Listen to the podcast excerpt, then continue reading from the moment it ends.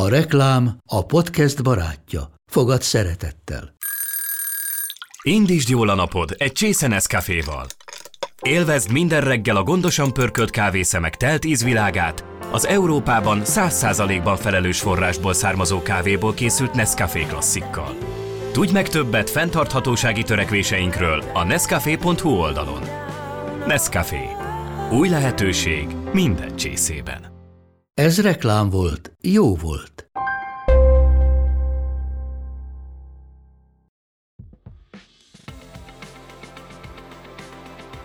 Tabu témák, társadalmi szerepvállalás, korlátok átlépése, szakmai teljesítmények. Ismert emberek és hétköznapi hősök képes vagyok történeteibe és életébe nyújtunk betekintést hétről hétre, akiknek tettei és küldetése sokaknak adhatnak inspirációt és támogatást. A műsorvezető Alberti Petra Bianca. Lakatos Márk Magyarország legismertebb stylistja, média személyiség, aki sosem fél elmondani a véleményét tabu témákról. A stylist szerint borzasztóan káros, ha a gyermekek úgy nőnek fel és szocializálódnak, hogy a sokszínűséget szégyelni kell, sőt, elítélni. Beszélgettünk vele saját lelki nehézségeiről, az önelfogadás felé vezető útról, függőségekről és szélsőségekről, azokról az időszakokról, amikor elment a falig, valamint legújabb önéletrajzi ihletésű regényéről, ami miről. Ebben az adásban a vendégem Lakatos Márk, aki az Insta Képes vagyok beszélni róla kategóriájában volt jelöltünk a Képes vagyok gálán, és már hát azt kell, hogy mondjam, hogy szerintem ezt a kategóriát kb. neked találtuk ki, mert hogy van olyan, amiről te nem mersz beszélni? Hát egyébként volt egy csomó minden, és azért is volt nagyon izgalmas ezt megírni, ezt a Mimi című regényt, mert hogy... Mert Mutatom hogy... a nézőinknek, a hallgatóink majd csak és nézzétek meg, hogy milyen nagyon szép piros az oldal, mint egy ilyen kis imakönyv olyan. Szóval, hogy, hogy én, aki nagyon sok mindenről nagyon szabadon beszélek, mégis így hoztam magammal évtizedeken keresztül egy csomó olyan dolgot, amit igazából még magam számára sem fogalmaztam meg. És azért volt nagyon izgalmas ez, a, ez az utazás ebből az egész sztorival, mert egy csomó ilyen bennem gyűlő, halmozódó történet, érzelmi felhő, és nem tudom micsoda, fogalmazódott meg bennem, és így lettem képes arra, hogy ezt így kimondjam, verbalizáljam, leírjam, és, és, és ez egy nagyon-nagyon izgalmas, mondhatjuk, hogy terápiás folyamat is volt. Nekem nagyon tetszik a könyvednek a koncepció abból a szempontból, hogy ez nem egy önéletrajzi könyv, hanem ez egy fikció, ezt többször is elmondtad, ez egy fikció, de hát nyilván ilyen önéletrajzi, meg a saját életedből adódó inspirációból, de azért nem te vagy a főszereplő, hanem mégse a főszereplő. Igen. Ezt megkérdeztetem, hogy ez miért van így, hogy esetleg, tehát hogy önmagad belerakni a könyvbe, az sok lett volna, vagy így egy kicsit magadat véded, vagy inkább azokat véded, akikről szólsz a könyvben? Igazából ö, valahogy ez úgy ö, alakult ki, hogy, ö, hogy én azt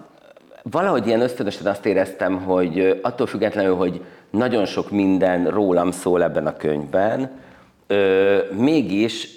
én egy fikciót szerettem volna írni. Tehát pont azért, mert olyan sokszor beszéltem már effektíve magamról, az életemről, erről, arról, amarról, hogy azt gondoltam, hogy ez egy tök izgalmas újabb lépés, valahogy a fantáziádra támaszkodva is kitalálni egy, egy történetet, kitalálni egy karaktercsoportot, kitalálni egy, egy másik világot, amit természetesen miből építkezne, ha nem belőled, de közben pedig azt gondoltam, hogy egyrészt ez egy biztonságos terep is, mert egy picit el is bújhatsz a karaktered mögött, és talán így még egyszerűbben leszel képes még mélyebben megnyílni azokon a helyeken, ahol, ahol azt érzed, hogy meg kell nyíljál. Másrészt pedig azt gondolom, hogy egy embernek az élete az a saját fikciója is. Tehát, hogy én azt gondolom, hogy a valóság és a fikció közötti ilyen nagyon vékony membrán az abszolút átjárható ide és oda is, és nekem egész gyerekkoromban is egyébként folyamatosan a fikcióra épült például az életem, tehát ami ebben a könyvben benne is van, hogy én hosszú éveken keresztül egy ilyen fiktív ruhatárat építettem a saját fantáziámban, ami arról szólt, hogy mi lenne akkor, hogyha én olyan gazdag rich kid lennék, amilyen nem voltam, akkor milyen ruhatáram lenne. És ez egy olyan fantázia játék volt, ami gyakorlatilag beleépült az én valóságomba, még akkor is, hogyha egyébként ez egy fiktív sztori volt. És azt gondolom, hogy az álmaink, az ilyen típusú fantázia játékaink és a többi, az eleve egy olyan fikciós világ, ami közben mégis egy ilyen nagyon valóság szagú dolog egy ember életében, és ezért játszani avval, hogy mi a fiktív és mi a valós, szerintem ez egy ilyen nagyon valid dolog, és nekem az összes igazán jó irodalmi ö, példám, akár ugye a mágikus realizmus, de Dél-Amerikában ö, Márkezék és társai, vagy a szürreális irodalom, ö, szürreális filmművészet, az mind olyan dolog, ahol a valóság és a fikció közötti ö, határon lépkedünk folyamatosan ide-oda, és számomra ez nagyon érdekes volt. Tényleg nagyon tetszik ez, hogy ránk van hagyva olvasókra, hogy eldöntsük, hogy vajon ez tényleg Igen. így volt, vagy most túl az a csávó. Igen. De mit gondolsz, hogy, hogy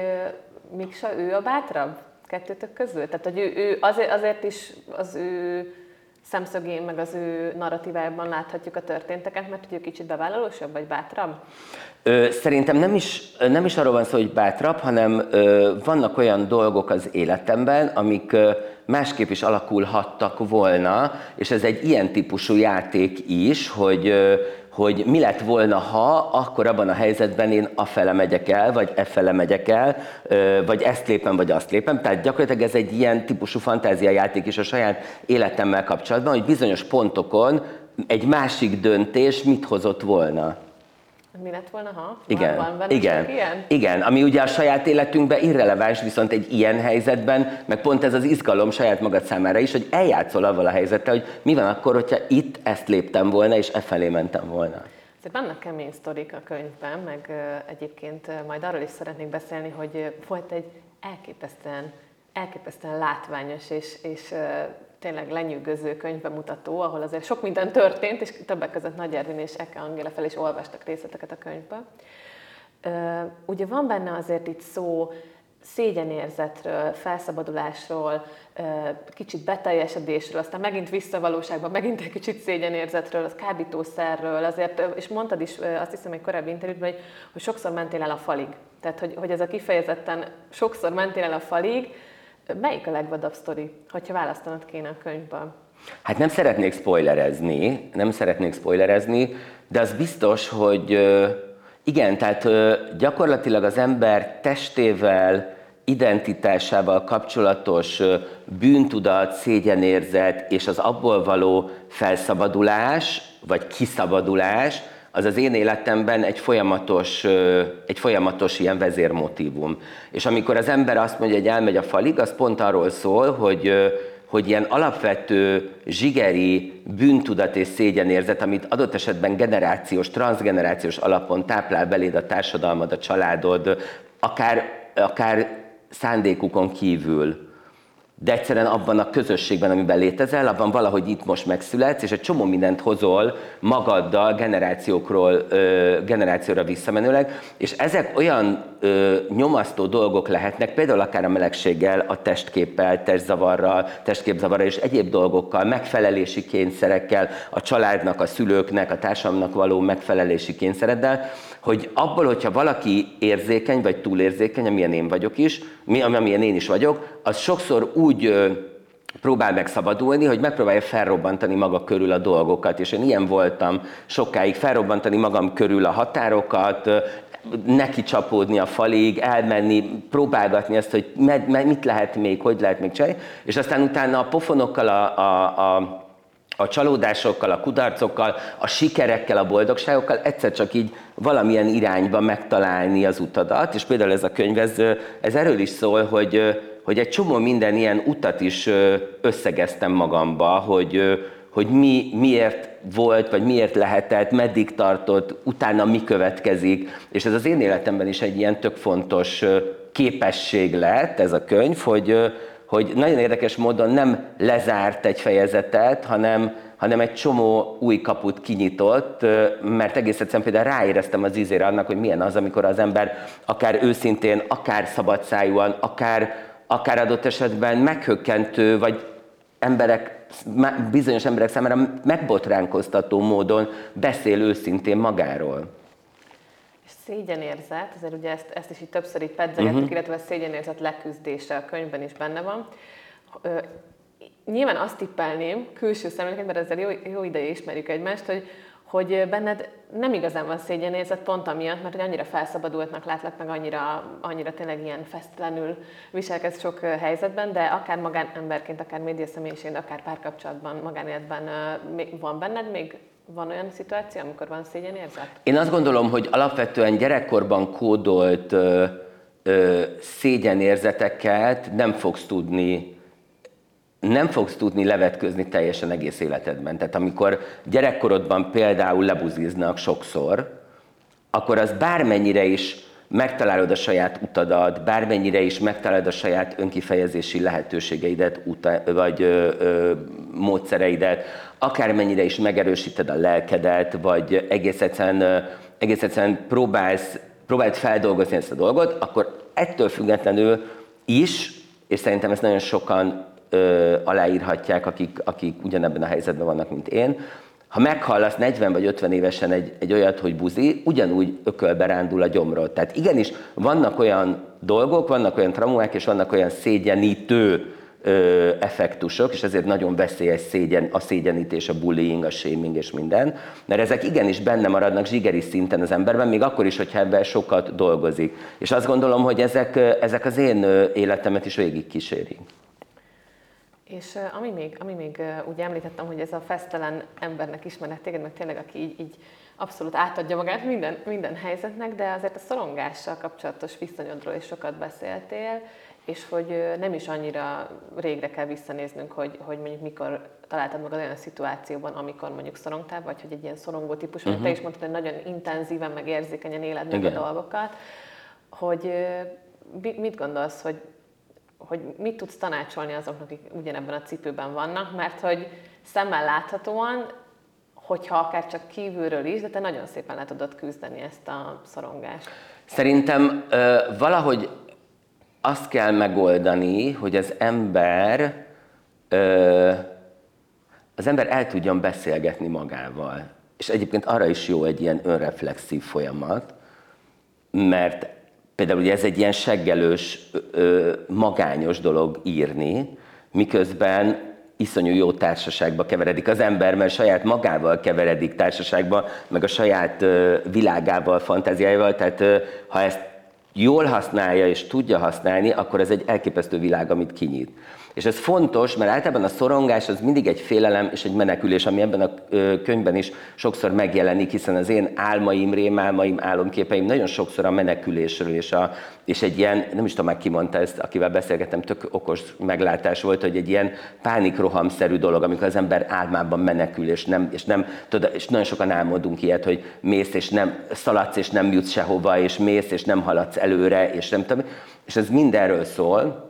és hogyha egyrészt az ember ezt elfogadja, hogy ez van. Tehát amikor már nem menekül saját maga ellen elől sem, meg nem menekül a saját szorongása elől sem, meg nem menekül a saját halálfélelme elől sem, hanem elfogadja, hogy ez létezik, és ez ő maga, és ez benne van, akkor onnantól kezdve egy egészen más horizontról kezd el ebben az egésszel foglalkozni. És onnantól kezdve válik lehetővé egy dialógus saját magaddal, kérdések feltétele, válaszok keresése, egyáltalán egy ilyen pampering, ugye szerintem ez egy tök fontos dolog, hogy, hogy egy kicsit a szorongó ember az általában mindig ellenséget keres saját magában is, és ahelyett, hogy saját magát is ugye kényeztetni egy picit, mert akkor tud a többi ember felé is úgy fordulni, és szerintem talán ez lehet egy jó tanács azoknak, akik hasonló helyzetben vannak, hogy, hogy álljanak meg, nézzenek szembe, fogadják el azt, hogy ez velük történik, és ez így van, és onnantól ez egyébként tök jó, hogyha van profi segítség is, és ezt, ezt soha nem győzöm hangsúlyozni, hogy végre engedjük el azokat a tévhiteket és sztereotípiákat, hogy terápiára járni az egy hülyeség, az szégyelni való, az, az csak egy úri huncutság, tehát hogy ezeket mind engedjük egy kicsit el, és hagyjuk azt, hogy nálunk okosabb emberek, szakértő emberek, bármilyen típusú szakértelemmel, ami hiteles, segítsenek nekünk. A szorongással kapcsolatban behoztad azt, azt a gondot, ami megakadt a, a figyelmem, hogy halálfélelem. Uh-huh. És uh, annak, aki azért egy hedonista, aki tényleg egy nagy kanállal falja az életet, uh, számomra meglepő az, hogy, hogy mondjuk ez a halálfélelem témakör uh, bejön. Ez, ez mennyire van meg így? Hát ez egy, nagy, ez egy nagy kulturális toposz egyébként, és ez a művészetben, ez általában mindig egymás mellett jár, ugye a dance macabre, a haláltánc, és a carpe diem, a szakítsd le a mát, szakítsd le a pillanatot érzése, mert ugye ez pont általában a halálfélelemnek a szorongató, folytogató hatására alakult ki ugye a kultúránkban az, hogy akkor viszont éljünk a mának, és próbáljuk meg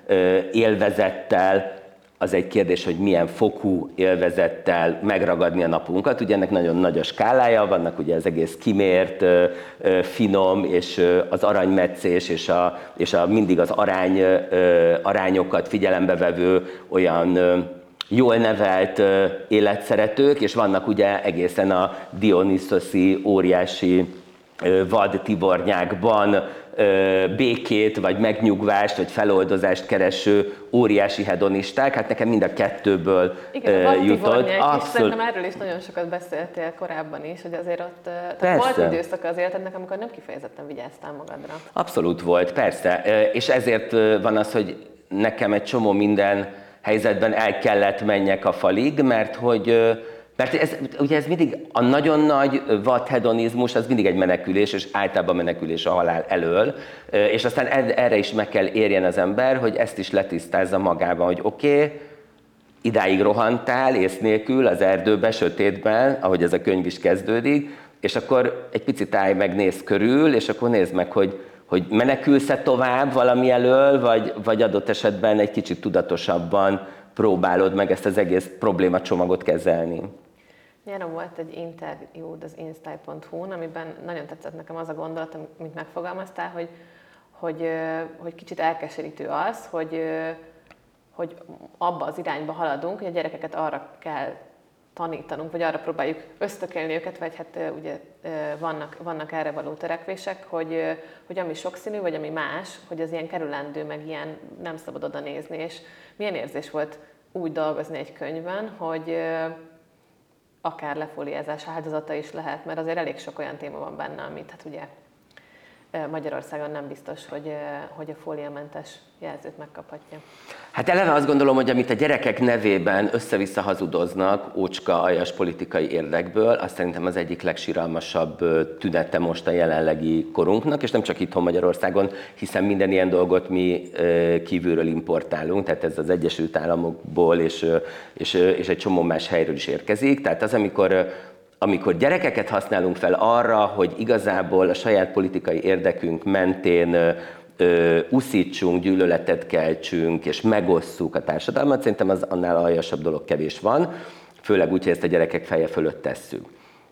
Én azt gondolom, hogy, hogy alapvetően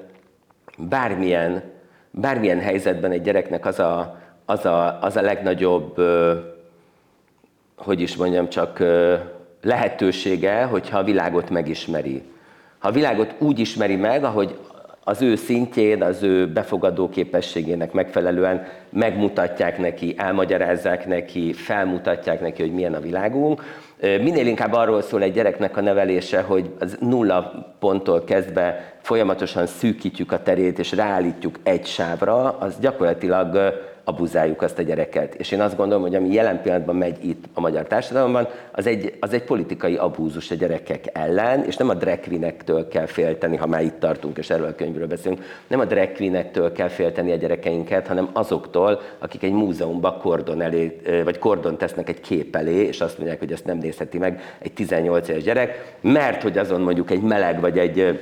kifestett férfi szerepel, miközben a fő kereskedelmi csatornán, amit tudjuk, hogy kinek a kezén van, évek óta minden egyes szombaton nőnek öltöznek férfiak a Sztárban, Sztárban, és érdekes módon se Dúró Dóra, se senki más, se a Mi a mozgalom egy szót nem szól ez ellen. Nagyon aktív vagy ebben a kérdésben, és egyébként többek között ezért is kaptad a jelölést, a képes vagyok beszélni róla a kategóriában, mert erről tényleg őszintén és nyíltan és aktívan. És tőled megszokott módon, hát így beleállsz ezekbe a témákba, meg nem igazán zavar, hogy ennek ugye mi lesz a következmény, hogy ki, ki, fog, ki mit fog szólni ehhez. Ez a kis Márknak, vagy a kis Miksának segítene ez a, ez a tevékenység? Tehát, hogy igazából kicsit az is benned van, hogy de jó lett volna, hogyha abban az időben valaki segített volna megmondani azt, hogy pontosan ezt, amiről te is beszéltél, hogy a sokszínűség mennyire fontos, hogy ismerjék, tudják, hogy edukáljuk erre a gyerekeket, hogy pont, hogy, hogyha valaki más, mint a többiek, és most nem csak arra gondolok, hogy mondjuk a saját neméhez vonzódik, annyiféle mindenben lehet mása, és mégis sajnos így belénk van kódolva, hogy már kicsi gyerekkortól kipépcézik, bántják, csúfolják, Hát olyannyira belénk van kódolva, hogy ugye nem régiben halt meg egy 16 éves tinédzser fiú azért, mert hogy az osztálytársai folyamatosan addig szekírozták és addig, addig gyilkolták képletesen, hogy aztán saját magát ölte meg. Tehát én azt gondolom, hogy igen, ha visszagondolok kisgyerekkoromra, és hogyha mondjuk bárki visszagondol a, a tinédzser korára és a gyerekkorára, és tudja azt, hogy mondjuk úgy nő föl, hogy egy olyan dolog van benne, egy olyan dolog születik benne, amiről a társadalomnak a nagy része egyébként elítélően, gonosz módon, gyilkos módon nyilatkozik, akkor igenis szerintem nagy, egy, tök fontos, és egyre fontosabb az, hogy ennek, az, ennek és az ilyen típusú gyerekeknek segítséget adjunk, információt adjunk. A többi gyereknek meg pont azért adjunk információt, hogy ne küldjenek halálba, vagy azért, mert kövér, vagy azért, mert meleg, vagy azért, mert cigány, vagy azért, mert ilyen, olyan, amolyan gyerekeket. Csak azért, mert azt olyan egyszerű megtenni, utálni, meg, meg, meg gyűlölni másokat. Neked volt olyan, amikor akár, akár fiatalabb korodban, akár, akár később, mikor olyan mélyen érezted magad, hogy ez megfordult a fejedben? Soha nem volt ö, érdekes mondom, nagyon sok, nagyon régóta és kisgyerekkorom óta van halálfélelmem, de az nem igazán fordult meg a fejembe, hogy öngyilkos legyek, tehát hogy az életemet eldobjam. Olyan volt egyébként ez, a, ez az ilyen letargikus, melankólikus már, hogy olyan volt, amikor az ember sokszor játszottam az, hogy elképzeltem azt, hogy milyen lenne a temetésem. Ez pont nagyon vicces volt, amikor Szentes Évának az legutolsó regényében egy ilyen jelenetet olvastam, mert ez nekem is sokszor megfordult a fejembe, de ez inkább ilyen, ilyen szeretetégség, vagy ilyen elfogadási kényszer, amikor így amikor egy ilyen, ilyen sarkított pillanatban úgy végignézed lelki szemeidet azt, hogy ki hogyan síratna téged meg. Ez kicsit benne van ez az önsajnáltató, kicsit ilyen, ilyen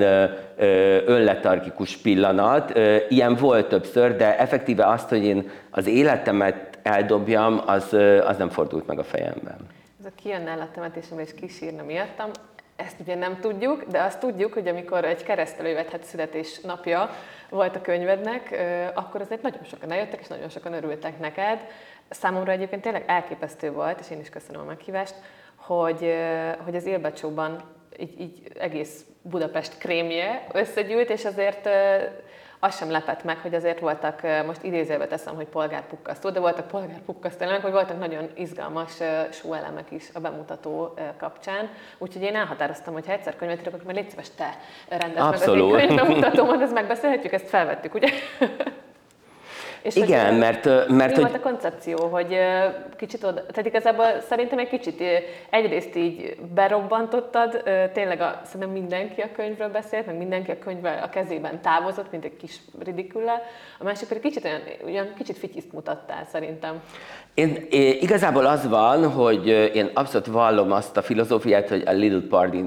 never killed nobody, tehát hogy bármilyen alkalom jó arra, hogy egy ilyen igazán vagány, olyan fajta kicsit dekadens, mert egy parti, a bulizás, az éjszaka, az mindig egy kicsit dekadens, ezt be kell valljuk, el kell ismerjük. Az, hogy valaki ezen milyen skálán mozog, és mennyit próbál ki ebből, ez már ugye a saját jó érzésére van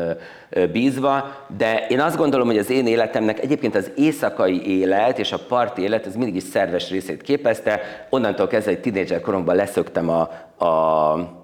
mi volt a Fortuna diszkóba, meg a közben a Fekete lyukba, tehát én voltam a Fortunában is, a Bakaiéknál, meg a Schulznál, meg a Fekete lyukban is, és aztán ugye Madridba drag queen lettem, miközben idegenforgalmat mentem oda tanulni, és aztán, tehát hogy, hogy nekem ez egy szerves része az életemnek, és azt gondolom, hogy egyre kevesebb az olyan parti,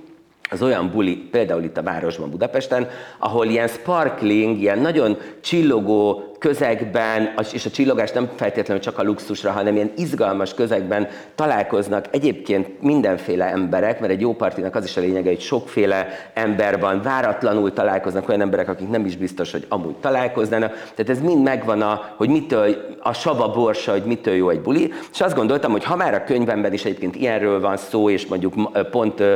madridi, meg római ilyen elképesztő partikban is játszódik ez a nagyon cselekményes történet, akkor miért ne egy ilyennel mutassuk be? És egyébként meg történetesen partit, bulit és rendezvényt szervezni nagyon szeretek, és egész jól tudok is, mert amikor még idegenforgalomban dolgoztam, akkor is ilyen csillogó partikat szerveztünk spanyol mindenféle elit csoportoknak, és azóta is, hogyha kell egy jó buli, akkor az instyle is, meg mindenféle más felületeken is ezt nagyon szívesen csinálom. És egyébként az volt, amit te is mondasz, hogy az emberek nagyon hálásak is, ha van egy ilyen alkalom és lehetőség, mert egyrészt föl lehet szépen öltözni, lehet találkozni váratlan emberekkel, el lehet egy picit kábulni attól, hogy most éppen a Nika énekli le a menyezetet a Purple rain és a Holoda Peti pörög a rúdon, érted? Vagy a csodálatos kontratenor egy igazi barokk teorba landkísérettel énekli a Handel áriát, és közben a megvadult maszkos szadóper, a berlini DJ keve. Tehát, hogy a jó partinak pont ez a lényeg, hogy váratlan, meglepő és ilyen egész egyszerűen mégis teljesen összeillő dolgok vannak, és akkor az emberek jól érzik magukat, és folyik a champagne, a Moet Chandonnal, és, és minden van, és magyar divattervezők, Próbáltam az én életemnek az összes részét odahozni. A jó pesgőt, a magyar tervezőket, ezért is volt nagyon jó, hogy a Bácsodi stílét megkaptuk, mert végre megint a,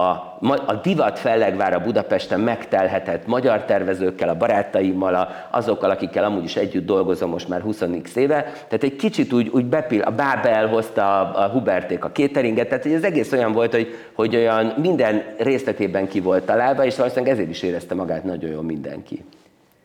Nagy Ervin, aki egyébként jó barátod is, ugye felolvasott egy részt a könyvből, és pár gondolatot megosztott veled kapcsolatban, és az egyik gondolat az volt, hogy, hogy sokan szokták neki azt a kérdést szegezni, hogy így, te miért vagy jobb ezzel a csával, mert hogy ő annyira sok. Ugye már annyira sok, ő, ő annyira túl sok, ő túl ilyen vagy túl olyan, ide most nagyon sokféle jelzőt kép, képzelhetünk, mm-hmm. és ő azt mondta, hogy több dolgot is mondott, de ami megragad bennem, hogy azt mondta, hogy őszinte és hogy, hogy bárcsak ennyire őszinte lenne mindenki,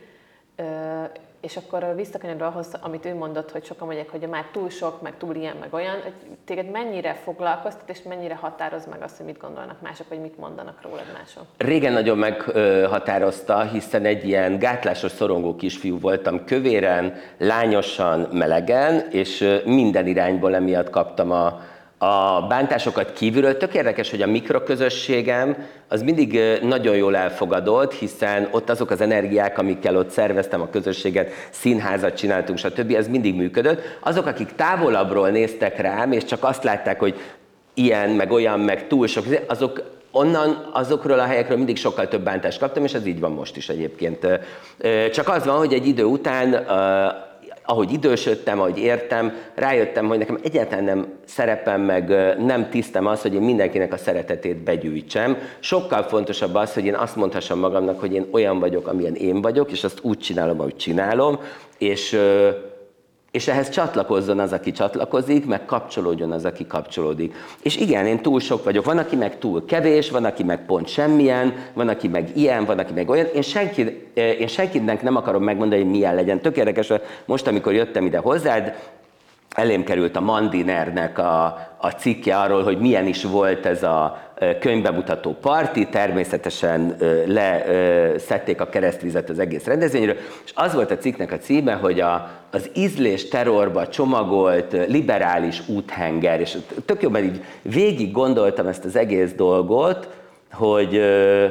hogy, hogy ez hogy is van, ez a szalagcím, és, és ami rögtön eszembe jutott, hogy egy óriási nagy hazugság az egész, mert ha valaki, akkor én aztán nem akarom az ízlésemmel terrorizálni senkinek az életét. Tehát én senki, én a szalonomban sem, amikor a lakatos meg szalomba jönnek a vendégek, vagy a, az iskolámba jönnek a tanítványok, senkinek nem akarom megmondani, hogy ő hogy éljen, azt sem akarom megmondani, hogy ő mit szeressen és hogy szeressen. Én, ha jönnek hozzám kérdésekkel, kérésekkel, bizonytalanságokkal, akkor én, akkor én elmondom az én ötleteimet, és aztán abból mindenki annyit fogad meg, amennyit akar. Érted? De hogy én sem a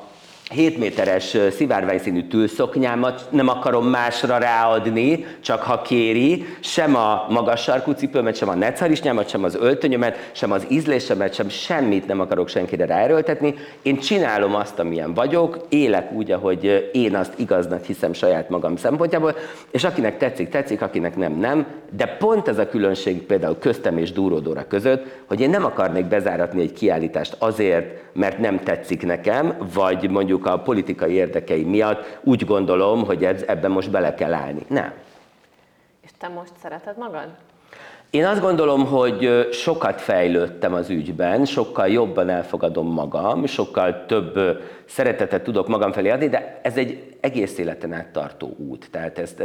ez nem olyan, hogy na akkor most, most ezt meg, megcsináltam, kipipáltam, és innentől kezdve oké, okay. tehát ez ilyen túl egyszerű lenne ez a dolog így, meg ez ilyen túl pozitív, meg túl instafilteres, hanem ez egy, szerintem ez egy egész életen át tartó folyamat, amiben az ember lépésenként halad előre, aztán néha visszalép kettőt, aztán néha kimarad a dobásból, aztán megint előre, és aztán valahogy majd ez kialakul. És még nagyon fúrja az oldalamat a kíváncsiság egy dologban.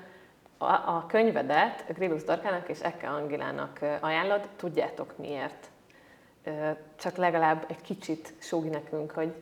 mi az? Miért ajánlod pont nekik a könyv? Tudom, hogy nagyon jobban vagytok, tudom, hogy több projektben is dolgoztatok együtt,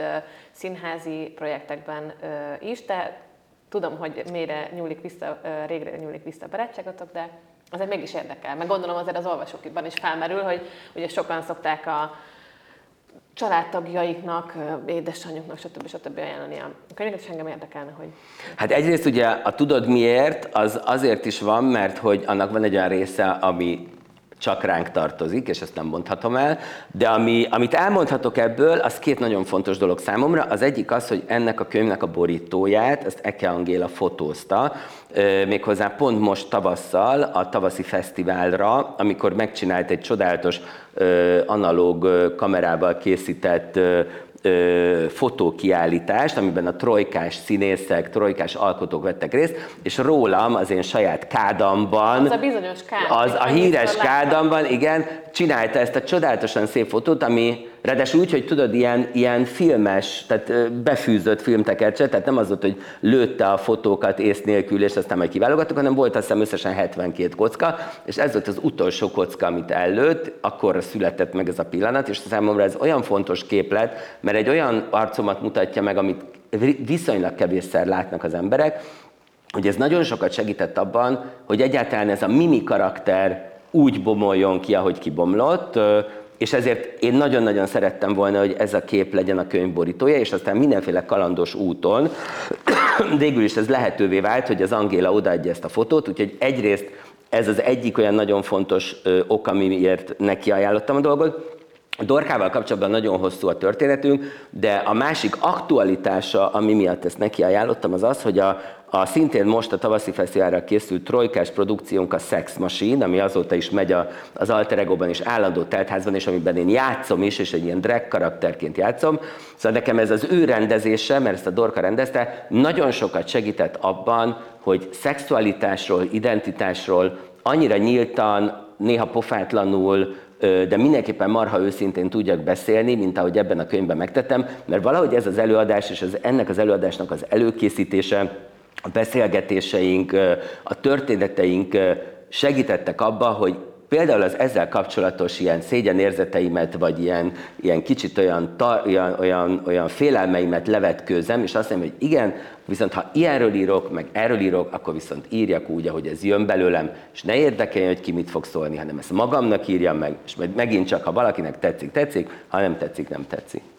Én ránézek a képre, és nekem az jut eszembe róla, hogy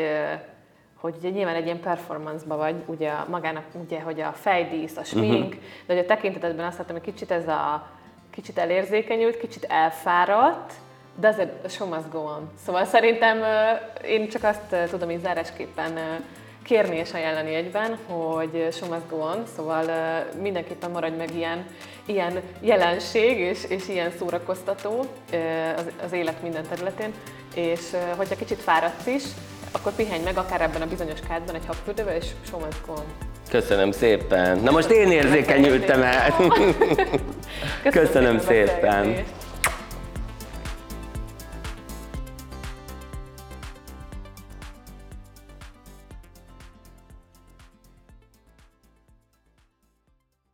A műsor a Béton partnere.